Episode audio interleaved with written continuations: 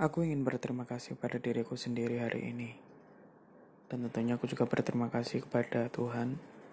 Dan aku juga berterima kasih kepada semua orang-orang yang ada di dekatku pada hari ini. Kenapa aku berkata untuk hari ini? Karena hari ini belumlah selesai. Sampai pada nantinya, jam 12 malam, waktunya untuk berganti hari. Terima kasih untuk aku yang sudah berjuang di hari ini. Dan terima kasih aku sudah bisa sportif untuk hari ini.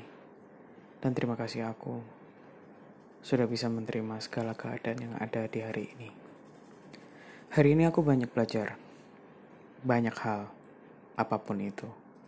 Dari orang di sekitaranku, dari lingkunganku, ataupun dari pekerjaan, ataupun dari tempat permainan, bahkan dari kehidupan percintaanku. Aku rasa aku tidak mempunyai percintaan, hanyalah percintaan di masa-masa yang lalu. Aku akan menceritakan bagaimana kronologinya. Sepertinya akan seru. Dan sebelumnya, terima kasih untuk para pendengar celotehan hati yang sampai di hari ini kalian masih tetap setia untuk mendengarkan podcast celotehan hati. Di pagi hari, aku bertemu dengan seseorang. Ya, seseorang yang masih belum lama di kehidupanku. Tentunya di kehidupan percintaanku. Kita hanya bertemu sesaat, sebentar di hari ini. Aku menjemputnya, kita bercerita sebentar, kita bernyanyi bersama, dan tentunya di atas motor klasikku yang selalu menemaniku. Dia bernyanyi di atas motorku, dan ada di beberapa menit. Kemudian dia memelukku, dan dia menangis di pundakku. Entah apa yang membuatnya menangis. Yang jelas, sepertinya beban hidupnya sangatlah berat. Beban percintaannya. Aku tidak ingin berkomentar dengan apa yang terjadi padanya. Yang aku tahu, dia pasti bisa melewati hari-harinya yang mungkin anggapannya adalah sangat berat. Kubiarkan dia menangis semaunya dia. Tidak lama kemudian, aku bertemu dengan teman-temanku. Dan kita berkumpul bersama, kita bercerita bersama, kita bercanda bersama, kita menghabiskan waktu bersama waktu itu dengan segelas. Ya, tidak memabukkan, hanya sesuatu yang manis-manis dan sepuntung rokok mungkin. Lalu kita berbincang di sana. Lalu aku habiskan waktuku untuk bekerja dan aku menghabiskan waktu berada di jalan hari ini. Sungguh sangat melelahkan. Dan sebelum itu, oh ya, aku lupa satu hal. Sebelum itu aku juga bertemu dengan seseorang. Seseorang yang dulu juga ada di masa laluku. Sebenarnya, orang yang ada di masa laluku ini sudah cukup lama kita tidak bertemu. Kita hanya berbincang sebentar, dan menurutku perbincangan kita juga tidak penting karena tujuannya kita hanya untuk bertemu dan memastikan bahwa kita berdua baik-baik saja dan dalam kondisi yang sangat-sangat sehat. Dan tidak lama aku meninggalkannya. Dan aku melanjutkan aktivitasku, dia juga melanjutkan aktivitasnya. Tapi ketika aku mengantarkan dia balik ke kantornya, ternyata ada seseorang dari dia yang cemburu melihat kebersamaan kita. Padahal aku hanya mengantarkan dia kembali ke kantor. Itu tidak sampai lima menit. Aku hanya mengantarkan lalu kemudian aku pulang. Ya memang seseorang ini adalah orang yang ada di masa laluku waktu itu. Tapi lalu apa salahnya jika kita berteman dengan seseorang yang pernah berarti di masa lalu kita? Atau mungkin lebih mudahnya kita seperti itu adalah mantan. Terkadang aku merasa ada sesuatu yang aneh ketika seseorang itu mulai protes. Ketika kita mempunyai hubungan baik dengan mantan. Memang apa salahnya jika kita berteman dengan mantan? Atau mungkin kita bersilaturahmi dengan mantan? Atau kita menjadi saudara dengan mantan? Apa salahnya? Kita hanya bertukar pikiran, kita hanya bertemu, lalu kita berdiskusi mungkin tentang pekerjaan atau mungkin tentang hidup, di mana letak kesalahannya ketika kita berhubungan dengan mantan? Di sini terkadang aku merasa aneh dengan orang-orang yang memang mempermasalahkan dengan orang yang masih berhubungan baik dengan mantan. Ya, semua perspektif orang berbeda-beda. Kalau dari aku sendiri, Selama ini adalah hal yang positif dan tidak merugikan orang lain, ya why not? If we having a relation with our ex, it doesn't matter gitu loh. Kita punya hubungan baik dengan mereka gitu loh. Entah kita nanti dipertemukan di suatu kondisi yang berbeda, dengan perasaan yang berbeda, kan tidak ada salahnya di sini. Ya, itu yang aku pikirkan ketika ada seseorang yang cemburu ketika kita berhubungan dengan mantan. Khayal aja menurutku. Seperti itu. Dan menginjak di sore hari, aku banyak bertemu dengan orang karena pekerjaanku menuntutku untuk bertemu dengan banyak orang. It's mean aku harus lari dari merchant ke merchant untuk mendapatkan suatu informasi untuk pekerjaanku dan di situ aku juga mulai terfikirkan banyak hal. Ataukah selama ini aku hidup itu sudah banyak membuang waktu? Atau mungkin di umurku yang sudah segi ini, aku masih belum mencapai titik yang harusnya sudah kucapai di dalam berbisnis ataupun di dalam hidup pekerjaan. Karena waktu aku datang di satu merchant ke merchant yang lain, aku melihat orang-orang yang berada jauh di bawah umurku. Itu sudah mempunyai titik level di atasku. Dengan mereka sudah memiliki bisnis mungkin atau mereka sudah settle dalam hidupnya sedangkan aku mungkin masih dalam standar yang ya hitungannya seharusnya di umurku ini aku sudah berada di level yang tidak seperti ini. Cuman aku memetik satu hal. Aku mensyukuri apa yang aku dapatkan sekarang ini. Ya mungkin jalannya Tuhan seperti ini dan mungkin Tuhan sudah mempersiapkan banyak hal yang brilian di depanku nanti. Ya semoga saja ini yang terbaik. Aku belajar banyak di hari ini. Sampai akhirnya di malam hari, aku bertemu dengan seseorang lagi yang ku temui di pagi hari tadi. Karena ya kalau sudah mengantarkan harus menjemputnya untuk pulang dong. Ya takutnya nanti kayak jalangkung kan, datang tadi jemput pulang tadi antar. Kita bertemu di malam hari. Sebenarnya tidak direncanakan awalnya cuma ya aku menjemputnya dia pulang, lalu dia pulang sudah. Tapi ternyata kita jalan-jalan malam waktu itu. Kita sempat ke tempat kopi waktu dulu kita masih punya hubungan bersama dan kita berbincang di sana ya hanya isi talk menurutku tapi sungguh deep jika ditelaah baik-baik. Di situ aku melihat perbedaan. Perbedaan yang tidak pernah kulihat sebelumnya. Iya ada rasa penyesalan ada rasa sedih ada rasa amarah ada rasa senang ada rasa bingung, semua itu jadi satu.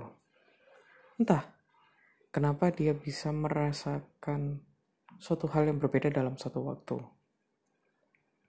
Aku hanya ingin mengajarkan padanya, banyak hal yang ingin kuajarkan padanya, dan banyak hal yang ingin ku remind kembali kepada dia. Salah satunya adalah, jika kamu tersadar melakukan suatu hal dan menurutmu itu salah, jangan pernah minta maaf. Karena jangan pernah minta maaf dengan suatu hal yang kamu sadar melakukan hal itu. Itu adalah pelajaran pertama yang kuberikan padanya dari awal. Lalu yang kedua adalah jangan pernah berbohong, apa pun itu kondisinya. Dan jika kamu memulai suatu hal dengan kamu berbohong, hasilnya itu tidak akan jauh dari apa yang kamu lakukan di awal pertama sebelum kamu berbohong ataupun sesudah kamu berbohong ataupun mungkin ketika kamu sedang berbohong. Dan yang terakhir adalah jangan pernah menyesali dengan apa yang sudah kamu lakukan. Karena semua itu pasti ada pelajarannya. Dan pasti semua itu ada pesan di balik semua apa yang pernah kita lakukan. Kita tidak pernah tahu. Ketika kita mendapatkan sakit mungkin, ternyata di balik sakit itu ada suatu pesan yang tersimpan. Aku mengajarkan dia banyak hal untuk di hari ini. Mensyukuri kehidupan, berterima kasih dengan diri kita sendiri, karena kita sudah berjuang untuk di hari ini. Biarkanlah yang lalu, biarkanlah berlalu. Dan jadikan semua itu pelajaran Jadikanlah masa depan berada di masa depan dan jangan pernah terlalu difikirkan karena belum tentu nantinya kita itu berada di masa depan itu. Pikirkanlah di hari ini, di hari ini yang sungguh sangat panjang, mungkin 24 jam kita akan hidup di hari ini. Pikirkan di hari ini, biarkan hari ini selesai dan berganti hari, baru kita memikirkan di hari itu. Karena apa? Ini untuk mempermudah diri kita sendiri untuk menjalani hidup. Menurutku seperti itu. Dan kalau untuk diriku sendiri, aku memetik suatu hal. Ketika kita memilih mencintai orang dalam diam, yaitu adalah kita tidak mengharapkan apa pun itu dari seseorang. Asalkan kita bisa memberikan yang terbaik untuknya, kita bisa melihat dia baik-baik saja dan kita bisa berada di sampingnya, kita mendengarkan dia cerita, kita melihat dia bahagia maupun sedih. Itu sudah lebih dari cukup ketika kita mencintai dalam diam. Mencintai dalam diam itu tidak semudah seperti yang dibayangkan. Memang, jika orang lain yang melihat, untuk apa sih kita mencintai dalam diam ke seseorang? Yang namanya mencintai itu harus disampaikan yang namanya mencintai itu harus bersama. Itu kata orang. Ya kembali lagi namanya perspektif orang itu pasti berbeda-beda. Dan kalau dari aku sendiri, mencintai dalam diam itu seperti itu. Ketika kita bisa melihat orang yang kita cintai itu bahagia ataupun sedih, dan dia bisa menceritakan banyak hal ke kita. Yang terpenting, dia baik-baik saja dan masih dalam kondisi hidup dan aku masih bisa melihatnya, aku masih bisa menyentuhnya, dan aku masih berada, bisa berada di sampingnya itu sudah lebih dari cukup. Dan yang terpenting adalah dia bisa tahu apa yang kita rasakan. Aku lebih baik jujur kepada orang yang aku cintai.